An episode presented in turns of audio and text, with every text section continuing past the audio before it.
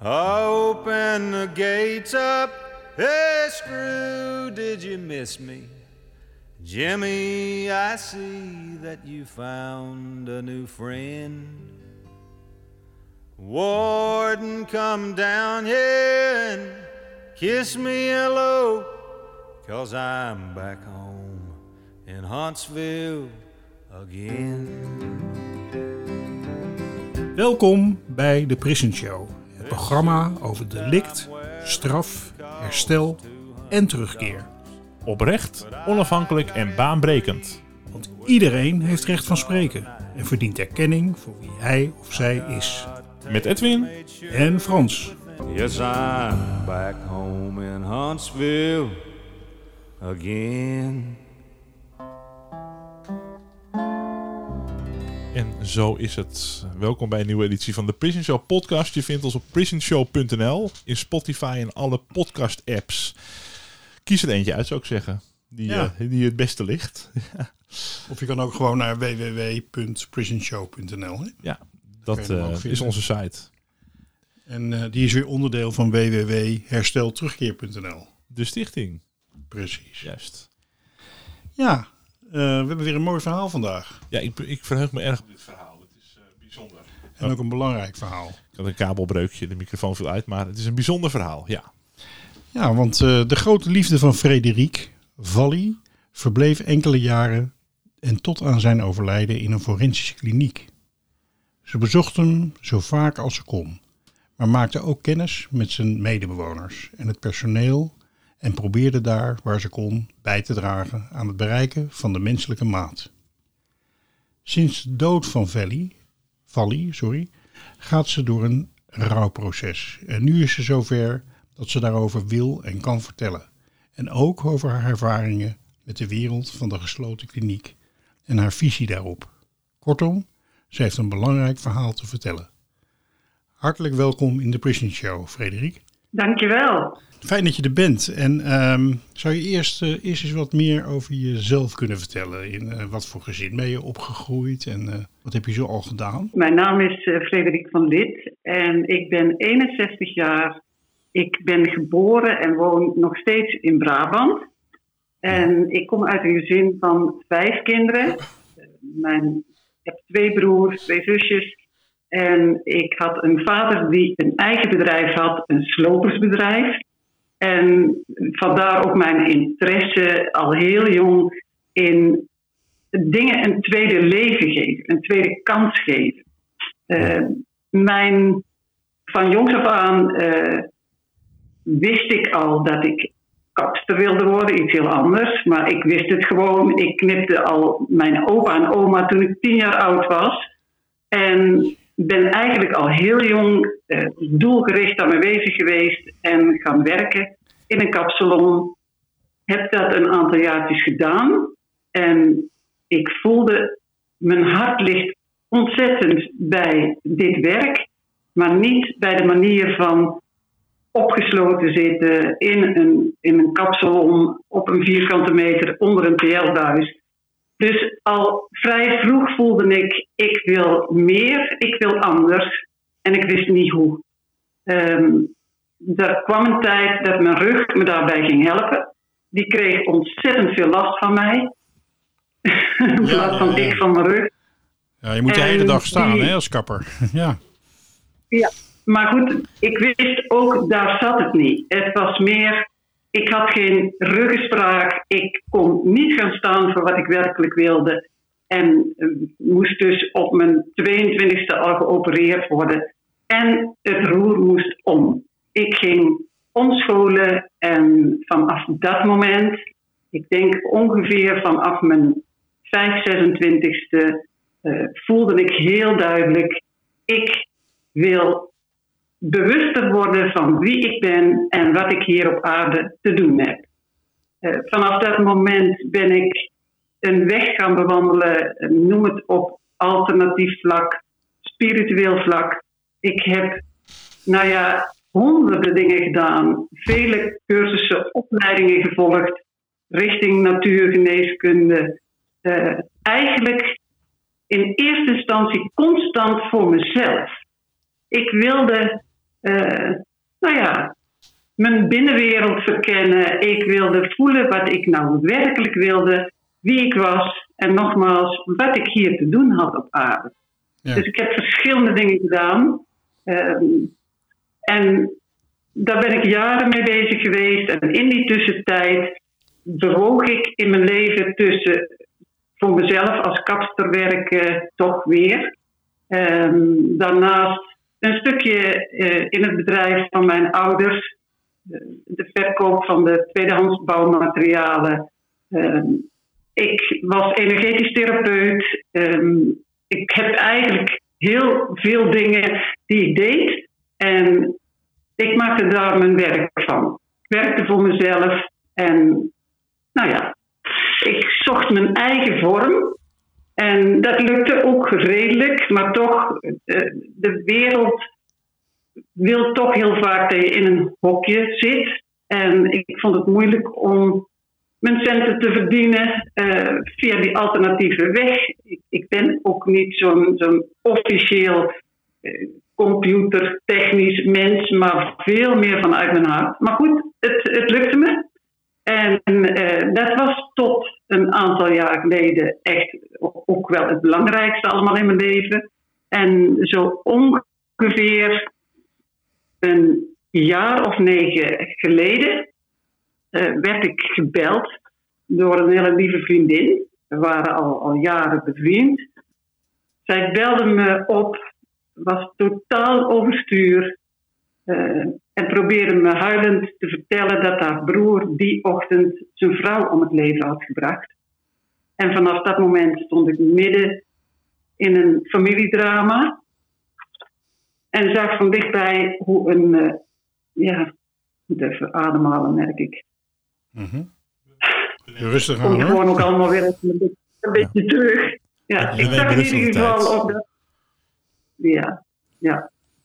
Ik zag in ieder geval van dichtbij hoe een onbedoeld, afschuwelijk uitgevallen ongeluk het leven van twee families eh, totaal verwoestte.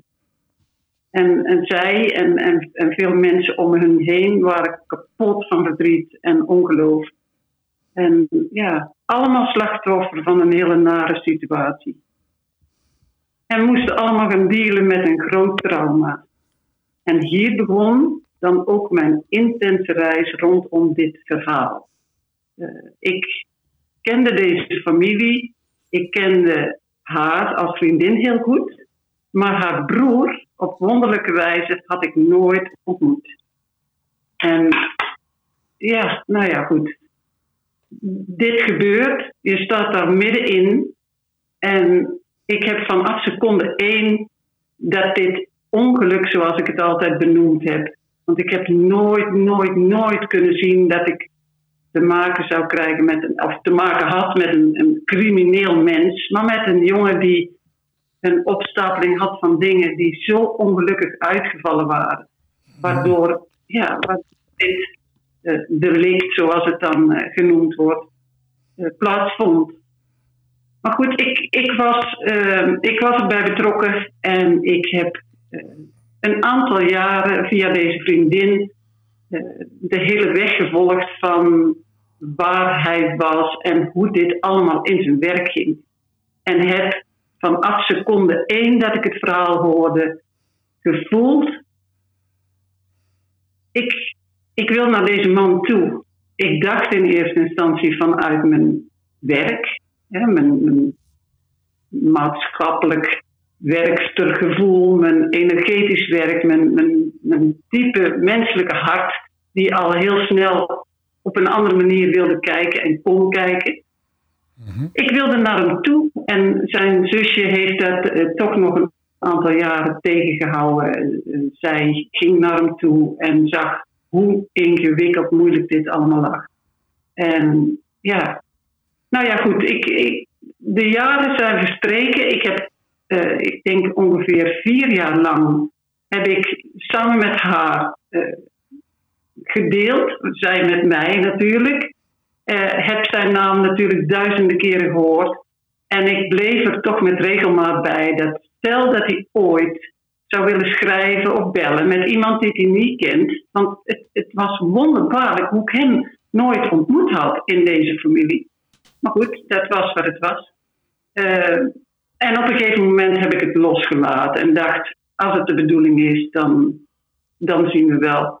En als het de bedoeling niet is, dan wandel ik gewoon door in mijn leven. Dan is dat ook wat het is. En dan komt er een moment dat dus mijn vriendin uh, ja, in één keer zegt: Hier heb je een telefoonnummer. En, of, of ik moest iets doen en, en ik moest gescreend. Of ik weet allemaal niet, niet meer precies.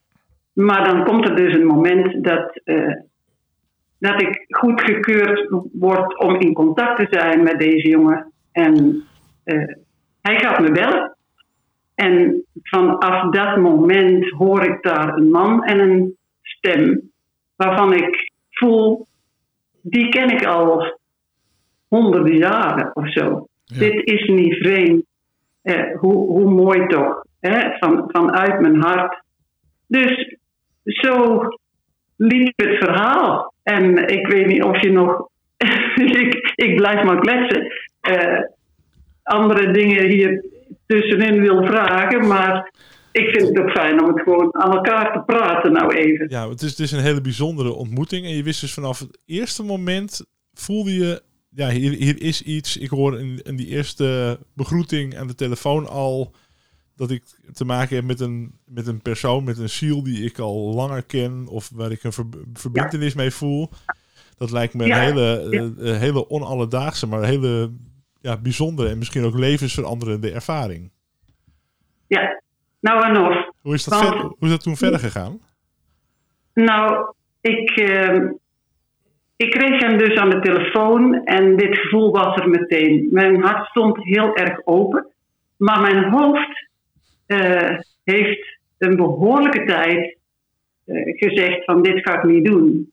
Dit ga ik niet doen. En daarmee doelde ik op ik, ik ga niet toegeven aan, aan mijn hart, laat ik het zo zeggen. Aan iets heel warms wat ik toen al voelde. En uh, ik dacht, uh, ik, heb menig keer geroepen naar boven en tegen God gezegd: Dit pakketje is voor de buurvrouw, maar niet voor mij. Ik was twaalf jaar alleen en had kort daarvoor ook echt het gevoel van: Ach, weet je, misschien komt er nog wel eens iemand op mijn pad. Ik heb uh, twee behoorlijk lange relaties gehad voorheen. En ik was eigenlijk klaar met de mannen, laat ik het zo maar even oneerbiedig zeggen. Uh, maar toen ik hem aan de lijn had, ik wist, ik moest hier iets mee. Maar goed, dat innerlijke gevecht, en het hoefde natuurlijk ook allemaal niet meteen. Uh, ja, wat dat betreft hielp het natuurlijk wel. Dat er ja, hoe zal ik het zeggen? Dat, dat hij opgesloten zat. Het kon dus ook maar met hele kleine stapjes. En zo ben ik begonnen, of zijn we begonnen met schrijven, bellen. Uh, heel warm, heel ontzettend integer, met heel veel respect. Op die manier had ik nog nooit eerder in mijn leven in een relatie uh, gestaan. Uh, ik bleef volhouden dat, dat ik gewoon een, een vriendin, een kennis. Uh, hij op zijn manier ergens ook. Want die klap die ik ervaarde van herkenning en, en in één keer een, een soort licht in uw hart, die, die was voor hem ook zo. Maar het verhaal lag er natuurlijk wel dat zijn vrouw was overleden.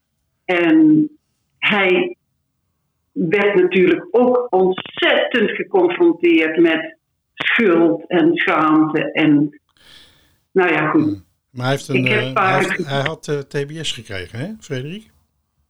Ja, hij zat in eerste instantie uh, vier jaar in, in de gevangenis.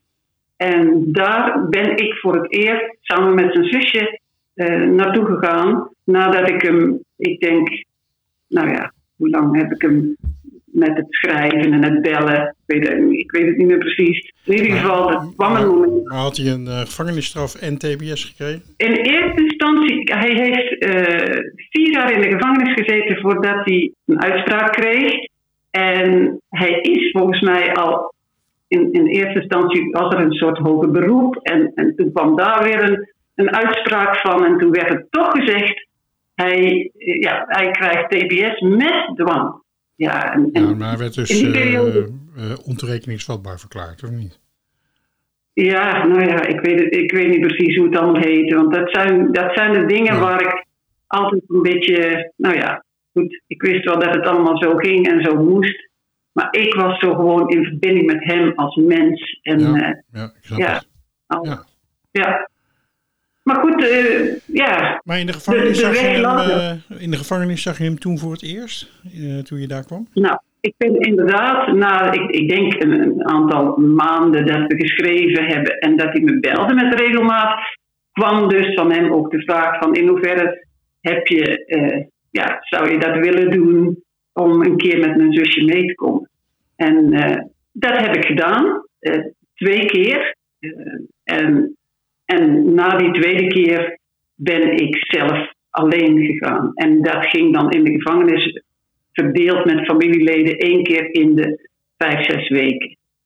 Maar goed, dat, vanaf het moment dat ik alleen ging, eh, hadden we gewoon ook echt intens contact. Maar ja, waarschijnlijk weet jij als geen ander hoe zoiets gaat. Er staan bewakers bij. Het is een, een, voor mij was het een totaal vreemde wereld. Ik, ik dacht maar constant, wat ben ik hier aan het doen met mijn hoofd? Niet, niet de ideale date, eh, zeg maar. Nee, Nee. nee. Het, het, het dubbele van ergens van de dagen willen schreeuwen dat ik, het, dat ik zoiets warms voelde in mijn hart. En aan de andere kant een soort geheim wat ik vanaf, die eerste, eh, vanaf dat eerste moment al met me mee heb moeten dragen. Want dit ging ik niet de wereld inbrengen. Eh, nou ja, goed. Maar wist, je, jouw familie, eh, wist jouw familie dat je op bezoek ging en jouw vrienden en dergelijke? Eh, ik heb al wel vrij snel aan mijn ouders dit verteld. Want het is heel apart hoe die iedere keer kwamen met de artikelen of de, de, de dingen in de krant. En dat ik dus schijnbaar in het begin een keer heb laten vallen dat hij een broer was van mijn vriendin. En dus mijn ouders, als ik bij hun kwam, dan begonnen ze erover. En die, die keken eigenlijk op eenzelfde manier als ik. Eh, misschien omdat ik het, het verhaal op een gegeven moment tegen hun ging vertellen. En uiteindelijk heb ik ook verteld eh, dat ik in contact was met hem. En eh, ja, dat het als mens ten opzichte van elkaar heel erg ja, wonderbaarlijk mooi met elkaar mochten delen. Eh, heel diepe, diepe pijn en, en ook de liefde tegelijkertijd. Heel, heel apart. Maar goed, in de gevangenis ging, kon daar verder ook niks mee. Eh, en nog steeds dacht ik van ja, weet je, dit, dit is gewoon een warm hart van mens tot mens. En toen hij na anderhalf jaar dat ik hem bezocht had in de gevangenis te horen kreeg dat hij naar de TBS-kliniek ging, toen heeft hij me ook echt wel gevraagd van wat gaan we hiermee doen? Want ik, ik, ik ga dood als je dadelijk instapt en over een tijdje, eh, nou ja, zou ik zeggen van toch maar niet. Dus hij vond dat ik eigenlijk een soort keuze moest maken en heb hem toen heel snel duidelijk gemaakt van als ik kom en als ik de telefoon opneem en als ik er ben, dan meen ik het vanuit het diepst van mijn hart en anders dan ben ik er niet. En meer voor de toekomst aan eh, vastigheid kan ik jou niet bieden. En toen, nou ja, dat was ook in één keer prima. Dus, nou ja, goed. Hij is eh, naar de eh, TBS-kliniek gegaan en daar moest ik dus opnieuw gescreend worden. En vanaf dag één ehm, ben ik daar natuurlijk op bezoek gegaan. Daar was ja, natuurlijk veel meer ruimte. Ik kon daar een, bijna een hele dag verblijven. Eh, ik was voor het eerst dat ik ook samen met hem even privé kon zijn eh, in, in zijn kamer. En het moment dat ik eh, ja, bij hem naar binnen stapte. Hij deed zijn deur dicht en hij zegt, nou kom eens even bij me zitten. Want jongen, jongen, al die glasplaten en al die tralies. dus ik, ik zit even bij hem op zijn knie. En twee seconden later komen daar de mentoren binnen die moesten iets komen brengen. En toen gingen daar de alarmbellen af. Want ja, ik had natuurlijk gezegd, ik was een vriendin van zijn zusje. En ja, dat was ik ook. En verder was er ook niks. Maar aangezien hij natuurlijk toch te maken had met een uh, levensdelict in de relationele sfeer, uh, was het zo dat hij ja, de, hele instantie die sloeg op hol. En vanaf dat moment zijn we samen ontzettend uh, ja, in de gaten gehouden. Ik moest iedere drie weken geloof ik daar naartoe. Dus ik zeg tegen hem, nou, we hebben nog geen relatie. Maar we moeten vanaf dag één schijnbaar in de relatietherapie. En alles moest gemeld. En iedere uur kwam er daar een, een, jonge griep door het luikje kijken van hoe het daar was met ons. En ja, ik kan niet anders zeggen dan dat ik in mijn leven mezelf nooit zo veilig gevoeld heb als bij deze man. Uh, maar goed, met al die toeters en bellen was, was voor mij ook een, een hele weg. Een hele weg om, om door al die, ja, die, ja. die tralies heen te wandelen. Ja.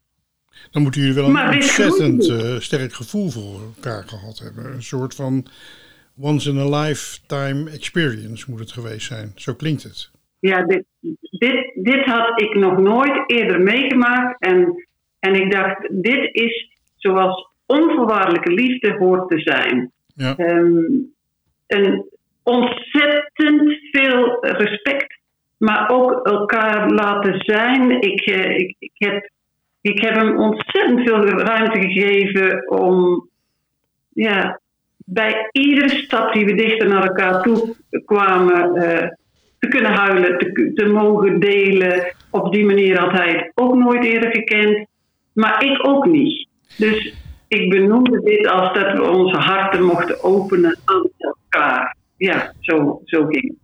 Ja. En uh, Frederik, um, hij, was, uh, hij had uh, zijn vrouw om het leven gebracht. Mm -hmm. En um, moest daarvoor behandeld worden in een, in een TBS-kliniek. Althans voor zijn delictgevaarlijkheid, om te voorkomen dat hij dat weer zou kunnen doen. Ja.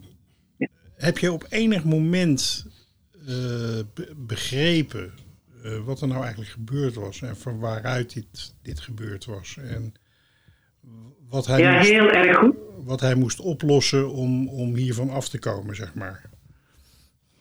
Ja, ik, ik, ik, uh, ik zat uh, voordat nou ja, wij elkaar afgelopen week even spraken, ook eventjes te dubben van wil ik hier nou iets over vertellen, maar misschien is het toch wel goed. En dat kan ik me voorstellen hoor, want het is natuurlijk over hem. Hij kan er zelf niet meer bij zijn. Ja, nou precies dat. Ja, ja. ja. Uh, nou ja, ik, ik kan in ieder geval melden dat ik heel, heel helder in beeld gehad heb vanaf seconde één wat daar nou gebeurd is. Ik, uh, ik ben sowieso een hooggevoelig mens. Ik, ontzettend empathisch groot hart. Maar mijn werk op dit moment ligt ook dat ik heel helder mag kijken en, en voelen en, en weten. Dus, uh, maar dat was toen ook al zo. En ik doorzag meteen ook die, die ontzettende uh, toestanden die je als jong mens allemaal mee kunt maken. Uh, ik herkende veel van, van mezelf. Hoe je dus in, in allerlei trauma's opstapeling op opstapeling kunt krijgen. En ik heb zelf het geluk gehad dat ik mijn ja, heling, om het zo maar te zeggen,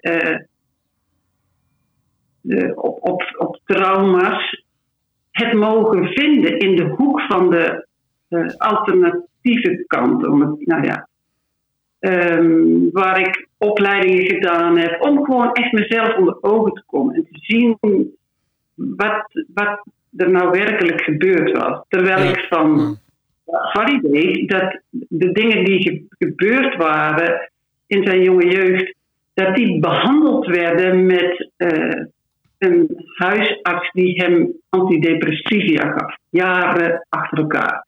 En deze antidepressiva-pillen, die zijn ook het, het, punt geweest waarom het zo lang geduurd heeft. Er is heel veel onderzoek geweest voordat er een uitspraak kwam.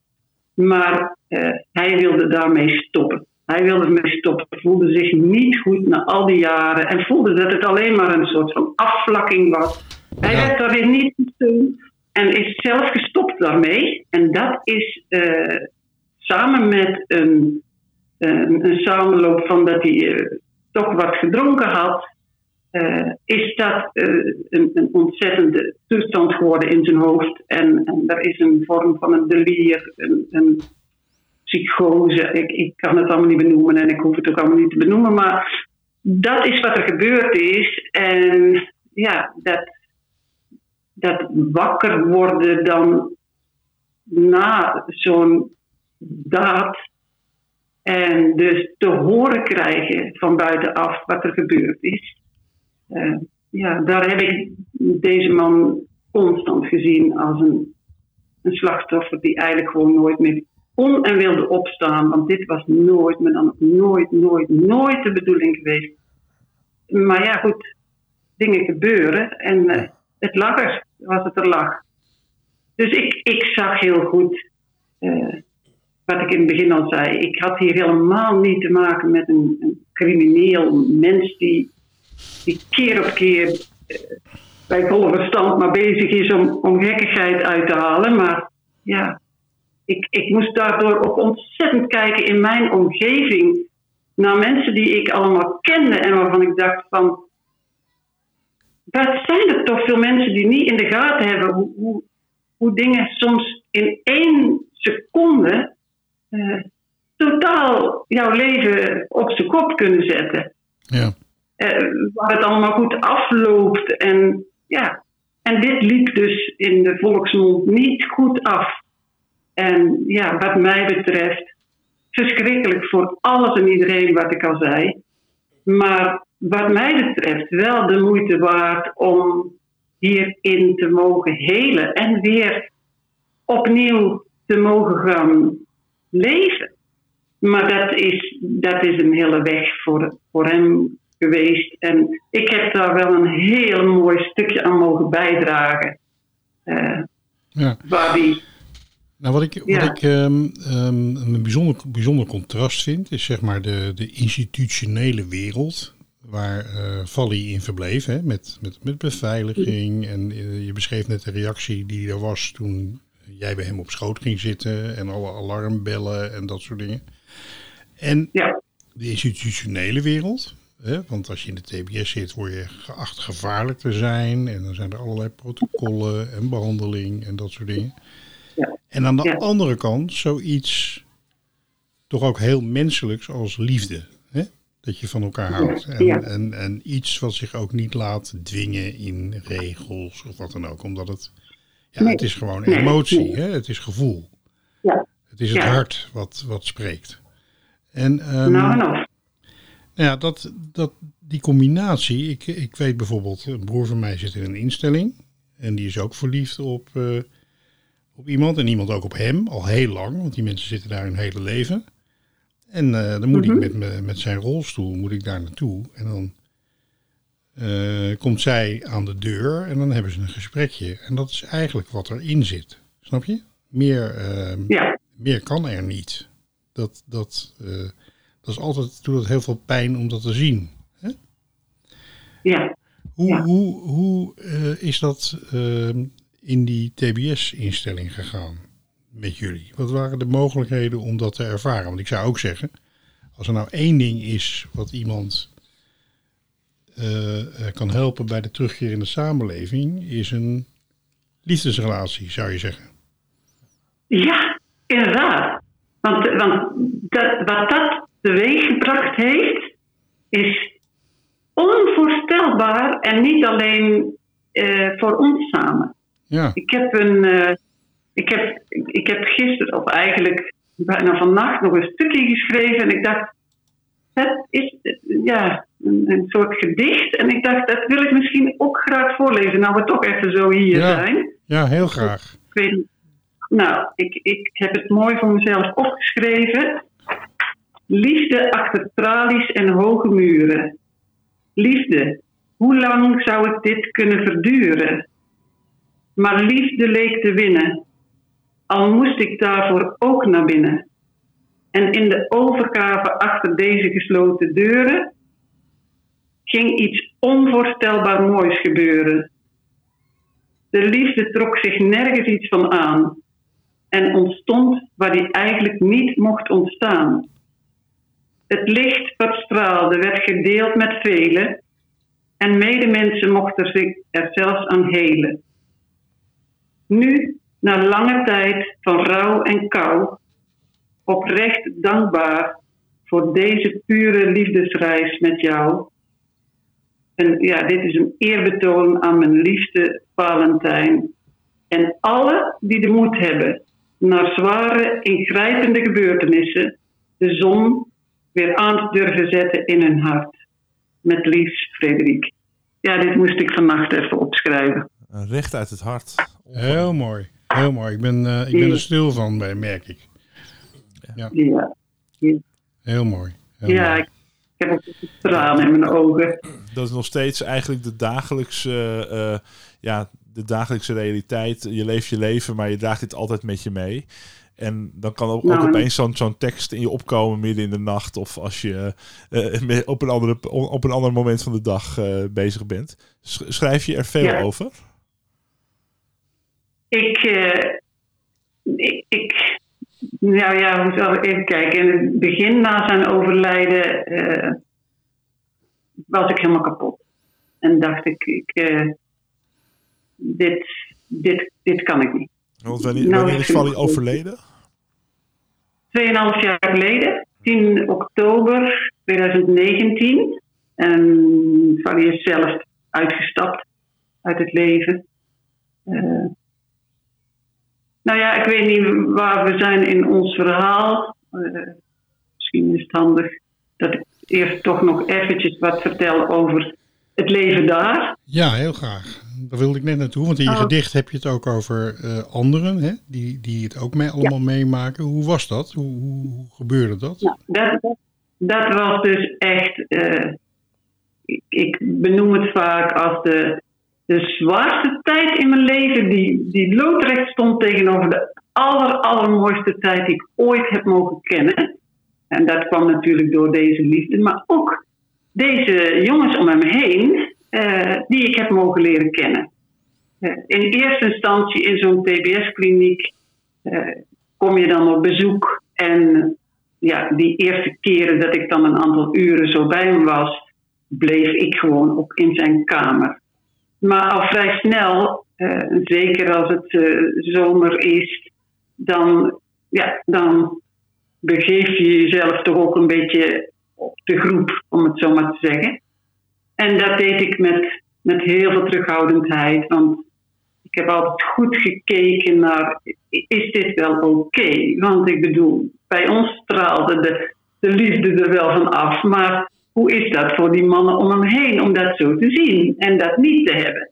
Dus dat heb ik heel rustig, ben ik daar ingestapt en langzaamaan eh gevoeld ja, in wie ik gewoon ben. Ik wilde contact maken en, en Fanny kon me delen. Die, die was niet zo dat hij zei van ik, je bent van mij en die uren dat je hier bent, dan, dan mag je alleen maar met mij praten.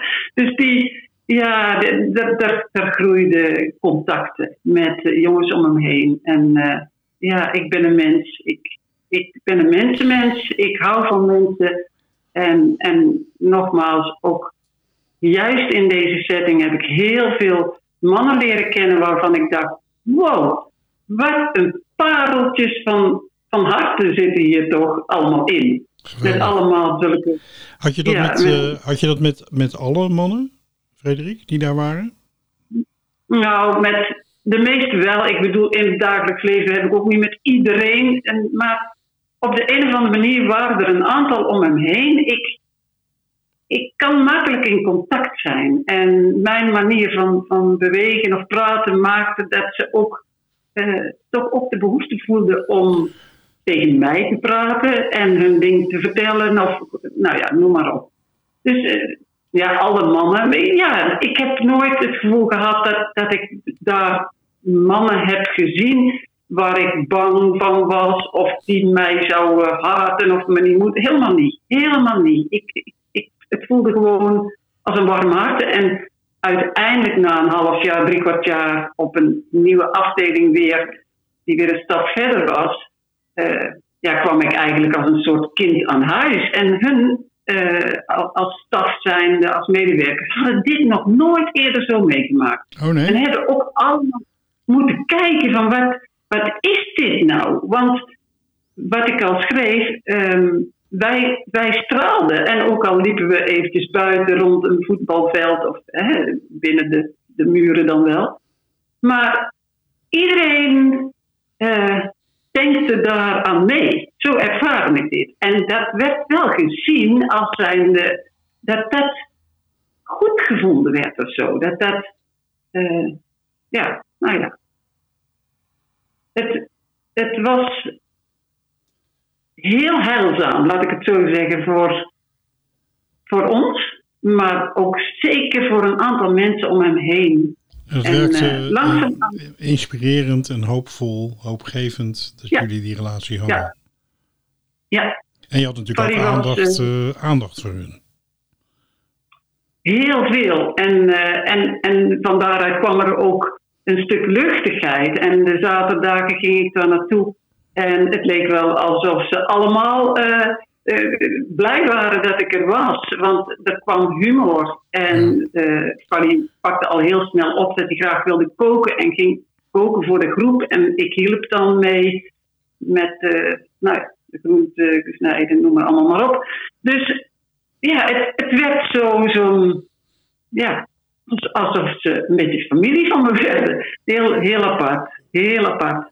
Je, Ja, was, je was gewoon een huisvriend van, eh, van het ik was huis. een huisvriend. Ja. Ja, ik was een, een huisvriend. En eh, ja, iedereen kende me ook. Ik, ik snapte het uiteindelijk ook niet als we buiten liepen. En ja, iedereen kende me.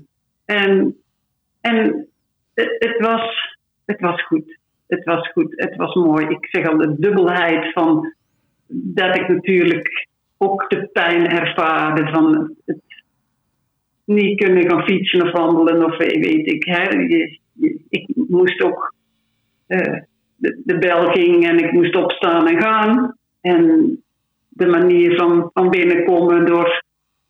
Maar ik heb mezelf nooit verzet en op geen enkele manier eh, ergens tegenin ge- ge- gegaan, alles ondergaan.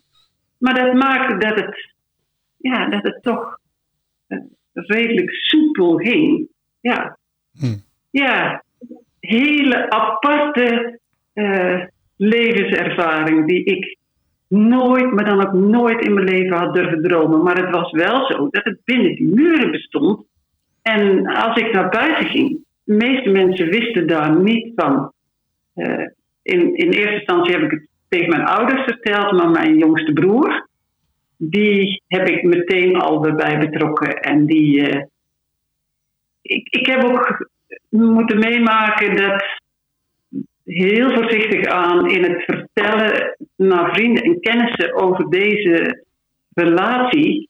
eh, allerlei re- reacties waar ik ook wel ooit van schrok. Hè, mensen die toch vanuit hun eigen angst eh, en een soort van bezorgdheid om mij, van jee, ik ben er niet goed wijs, wat ben ik toch aan het doen? Eh, ja.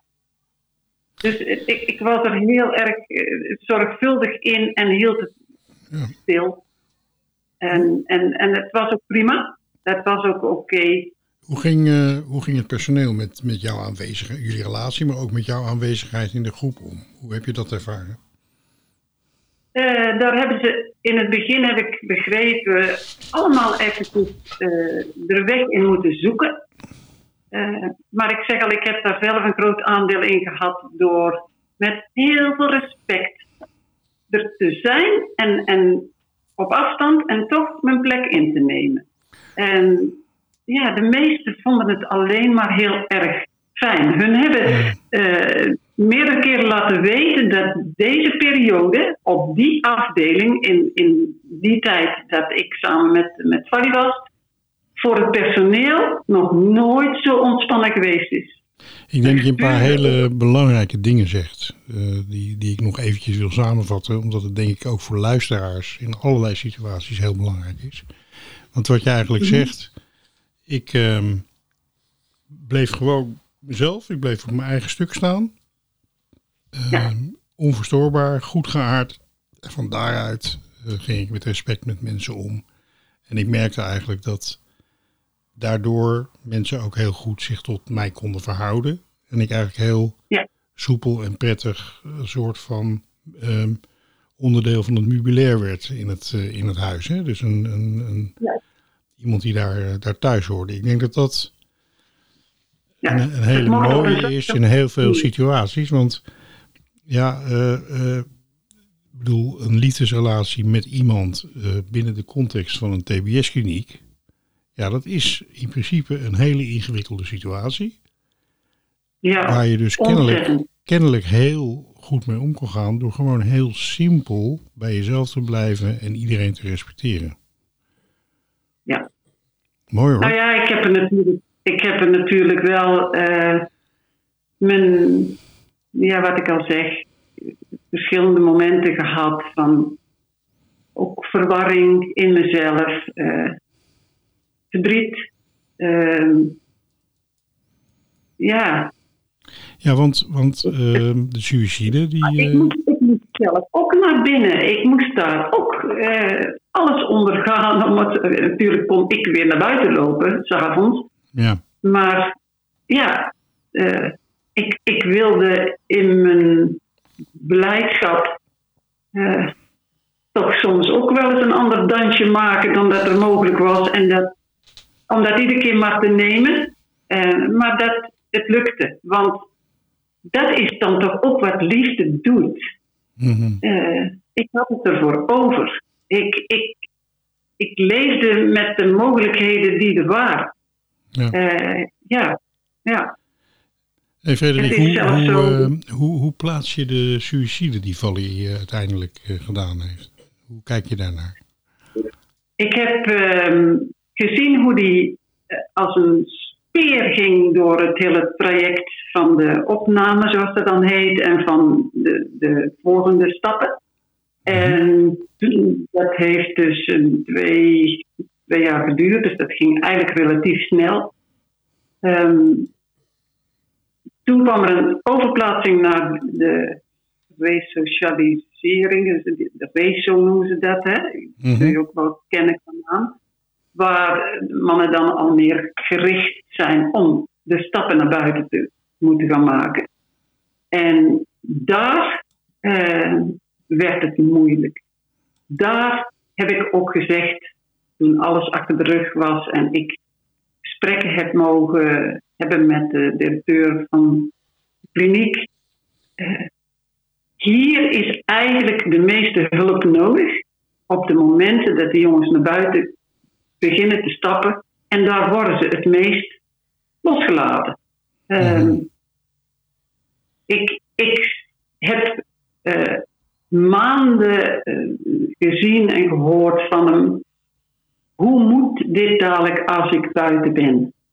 Eh, zijn angst werd steeds groter en groter. Eh, in het dichterbij komen van die stapjes naar buiten. De wereld, eh, hoe gaan ze me zien? Ik zou, zal nooit meer kunnen functioneren. Hij, hij, hij zat ook ergens ook een beetje met, met mij in de vorm van hoe, hoe moet dit toch met vrienden die dadelijk mij gaan zien? Die zullen me nooit meer gaan zien in wie ik werkelijk ben. En ik heb heel veel met hem gesproken. We hebben heel veel gehuild en gedeeld samen. Maar ik wist ook, hier komen stappen aan die, ja, die, die moeilijk zijn voor hem. En Mhm. eh, ja, het, het liefste zou hij misschien meteen al bij mij willen wonen. En, en, maar vooral het, het plaatje TBS dat was in zijn verbeelding eh, een, een, ja, er komt geen eind aan de TBS-tunnel of zoiets. Mhm. Het kan iedere keer maar weer, terwijl een gevangenisstraf dan toch een keer gewoon kan stoppen. En die angst dat, dat die dus, eh, als ik verkeerd hoest, weer twee jaar eh, eh, erbij krijgt via het reuzenrad. Zo, zo zei ik het dan wel eens ooit. Ja, dat, dat maakte dat het allemaal steeds ingewikkelder werd. Ja. Eh, hoe moet ik ooit nog, als ik maar 2 euro per uur verdien? Hij, hij zag ontzettend veel beren op de weg. En ja, die kon ik ook niet voor hem wegnemen. Maar ik zag wel wat er gebeurde. Ja, dat En- klinkt als, eh, als iets wat hij, eh, een eigenschap, hè? jij noemde het eerder aan het begin, iets van een soort ongelukkige combinatie hè, van, van dingen. Ehm, Ja, dit heeft hij eigenlijk altijd bij zich gedragen, dit. Ja. Wat je nu beschrijft als mens. ja, ja. En dat is een soort ja voor, hem, dit voor hem een soort uitdaging geweest. eh, ja, waar, waar, waar, waar, waar die onmogelijk overheen kon, eigenlijk. ja. En dat, dat had eigenlijk Ja, niks, en- niks met jou te maken. Nee, nee, nee. Nee, absoluut niet. Absoluut niet. Nee. Nee, dit, dit, hier, hier kwam iets in beeld waar hij van dacht, hier kom ik nooit meer overheen. En eh, hij, hij was, eh, ook als in die TBS, eh, daar was al, al die medicatie afgebouwd. En ik had ook het gevoel, juist als je vrij bent van al die mm, ja, al die chemische toestanden. Ik dacht wel eens ooit, hij is nou pas echt aan het rouwen. En Hmm. ja, dus er, er moet veel verwerkt worden om echt weer overeind te kunnen komen en in volle vertrouwen weer op Ja. een hele nieuwe manier het leven in te gaan. En Ook, eh, ook door, door generaties heen bedoel je? Ja. Ja. ja. En dan is toch de, de, de setting van deze vormen van klinieken, ik heb het wel gezien, eh, ze zijn ontzettend ge- gespitst op. Er mag niks binnenkomen van eh, drugs. Nou ja, voor mij ook allemaal niet. Want ik, maar, ik, ik, maar aan de andere kant heb ik ooit moeten wachten in die, in die prachtige hokjes en zag daar dan een auto van een apotheek en die komt daar dan 100 kilo onderdrukkingsmiddelen binnen. Zo noemde ik dat dan. Ja. Ja, voor mijn gevoel klopte het vaak helemaal niet. En eh, ja, wanneer het echt erop aankwam, dan moest er vaak gewacht worden. En, nou ja, goed. Dingen zijn zoals ze zijn. De systemen hebben er, zijn er nog steeds zoals ze er zijn. Maar ik, eh, ik ga ervoor dat er in de toekomst meer menselijke liefde in mag. Want wat mij betreft is dat veel meer helend dan een hele hoop. eh, ja, nou ja, Eh, ehm, ik weet het niet. heb, je, heb je afscheid kunnen nemen? Hoe heb je dat gedaan? En ehm, hoe, hoe is het daarna verder gegaan? Nou ja, die, eh, die laatste weken heb ik eh, gevoeld, hij zat op een nieuwe plek dus, en heb heel erg goed gezien en gevoeld dat, dat er iets niet goed ging. In die maanden kreeg hij ook zijn telefoon en konden we dus ook gaan appen. En hij heeft me een aantal keren echt laten weten van ik, wil niet aan jou gaan hangen, maar dit, dit gaat zo niet goed. En, eh, en toch wou hij ook zich sterk houden en iedere keer weer zeggen van het kan zo donker nog niet zijn. Eh, maar ook deze wolken zullen wel weer voorbij drijven. Eh, je, je wil niet voelen wat je voelt en je wil ook niet zien wat er, wat er voor de neus staat. Ja. Dit is ook niet tegen te houden. En ik, Nee. ik geloof ook niet dat ik dat zou willen. Want wa- hoezo? Dingen gebeuren.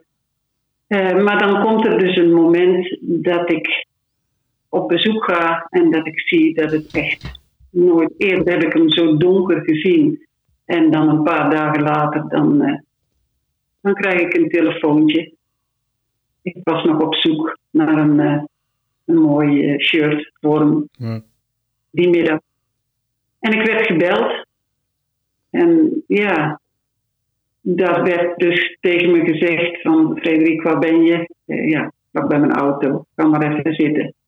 En we bellen over Polly. En hij heeft een ongeluk gehad. Ja, want hij had ondertussen een autootje.